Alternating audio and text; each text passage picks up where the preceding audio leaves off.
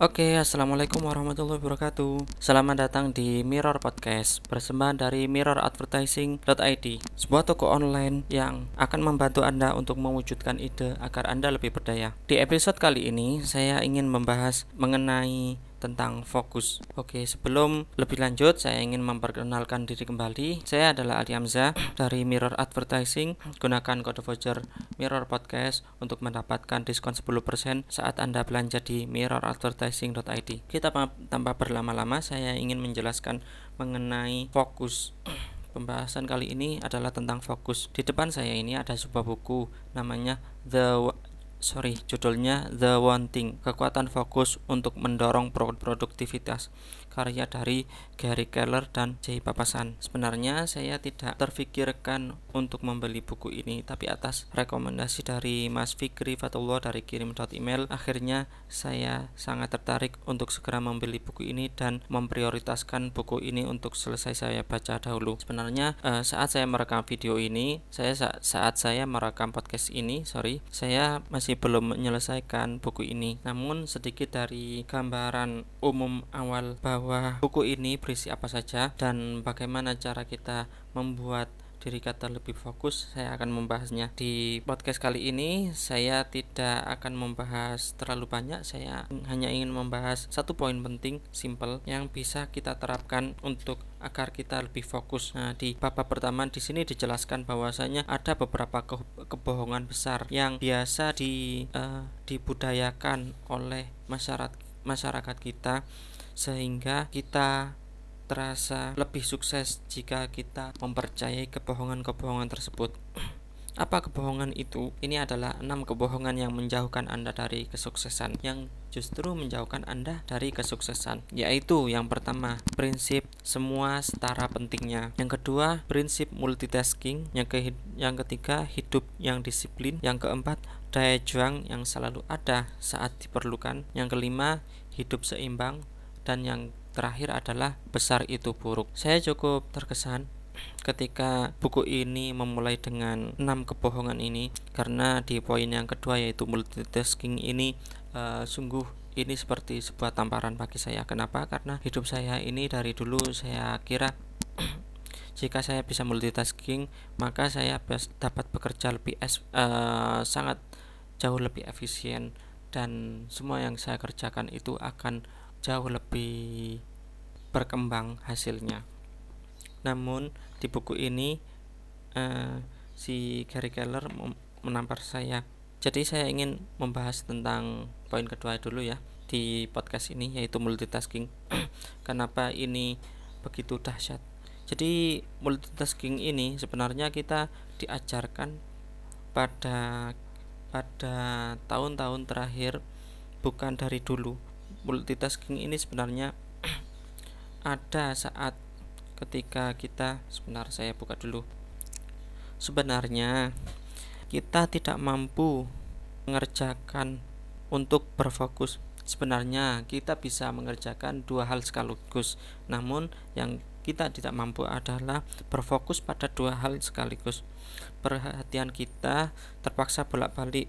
Pada dasarnya kata-kata multitasking ungkapan multitasking itu adakah baru pertama kali komputer itu mulai booming di tahun 1960-an di situ komputer memulai uh, mempunyai kemampuan untuk mengerjakan dua pekerjaan sekaligus. Terlihat di front end ya terlihat dari permukaannya. Padahal yang sebenarnya terjadi adalah komputer tersebut bekerja secara bergantian untuk dengan membagi sumber daya dari CPU dengan kerja uh, secara bergantian dalam waktu atau tempo yang cepatnya itu bekerja di belakang atau back endnya itu sebenarnya seperti itu. Tapi karena mesin ini uh, sangat ya cukup canggih jadi terlihat pekerjaan itu terlihat seperti pekerjaan serempak dilakukan dalam waktu yang bersamaan. Padahal sesungguhnya yang terjadi tidak seperti itu. Jadi ketika itu salah tafsir bahwa multitasking ini adalah bekerja secara serempak dari sinilah kesalahan atau bohongan ini muncul. Orang mulai menggunakan kata-kata multitasking untuk berbagai macam pekerjaan. Jadi misalnya berjalan sambil mainan HP kemudian kalian menyetir mobil sambil bercukur, menyetir sepeda motor sambil telepon dan masih banyak lagi yang sebenarnya dua hal ini menuntut kita fokus. Jika kita mengerjakan, kita bisa mengerjakan multitasking. Namun untuk salah satu hal ini adalah hal yang memang bukan di ranah kita harus fokus. Misalnya kita berjalan, eh sorry, kita bernafas sambil bicara. Sorry, kita bernafas sambil apa ya main game misalnya. Nah bernafas ini adalah uh, tidak menuntut kita untuk fokus sementara main game ini menuntut kita untuk fokus. Nah ini kita bisa multitasking seperti itu. Tapi untuk dua hal yang menuntut fokus sama-sama menuntut fokus kita tidak bisa melakukan multitasking. Yang sebenarnya terjadi adalah perhatian kita terpaksa bolak-balik secara bergantian dari satu fokus ke fokus yang lainnya. Jika untuk komputer uh, proses pergantian ini secara bolak-balik itu hal-hal yang baik-baik saja, hmm, tetapi untuk akibatnya pada manusia itu bisa serius. Orang mencoba mengerjakan terlalu banyak hal sekaligus dan lupa mengerjakan sesuatu yang seharusnya mereka kerjakan. Jadi misalnya orang menyetir sepeda sambil telepon. Ketika dia melakukan dua hal fokus sekaligus, dia rentan untuk lupa mengerjakan sesuatu yang seharusnya mereka kerjakan, yaitu fokus pada jalan. Karena kita lihat sendiri banyak sekali terjadi kecelakaan hanya karena orang itu sambil berkendara sambil teleponan. Maka dari itu kenapa saat berkendara kita dilarang telepon itu ada undang-undangnya. Masalahnya di sini kenapa kita kok mau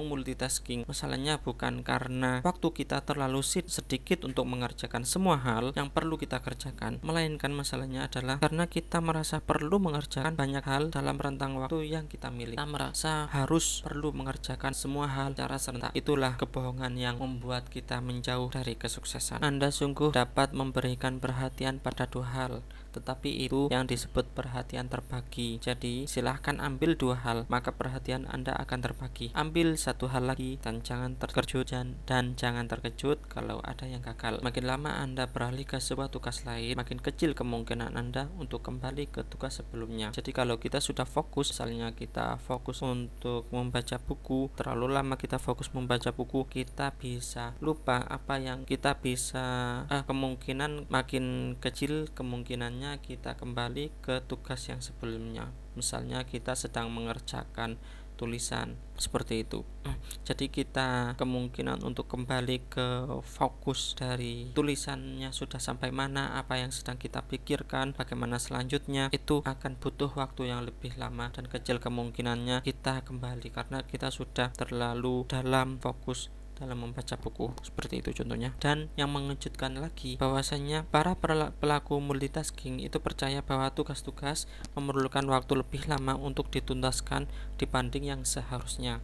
Jadi sebenarnya tugas ini misalnya tugas untuk menulis itu misalnya hanya butuh waktu 1 sampai 2 jam karena mereka sudah terlalu larut membudayakan multitasking, mereka berpikir bahwa tugas menulis itu memerlukan waktu sekitar satu hari sampai dua hari untuk menyelesaikannya. Nah, itu yang menjadi hasil yang tidak kita inginkan ya ketika kita menentukan diri kita untuk multitasking. Dan parahnya lagi, para pelaku multitasking itu membuat kesalahan lebih banyak dibanding yang tidak melakukannya. Mereka buruk, buruk dalam pengambilan keputusan karena lebih menyukai informasi baru daripada yang lama. Bahkan meskipun informasi lama itu lebih berharga. Itulah kesalahan jika kita melakukan multitasking. Sedikit dari saya podcast ini semoga bermanfaat. Jangan jangan lupa untuk kunjungi mirroradvertising.id untuk belanja untuk mewujudkan ide Anda. Terima kasih. Assalamualaikum warahmatullahi wabarakatuh.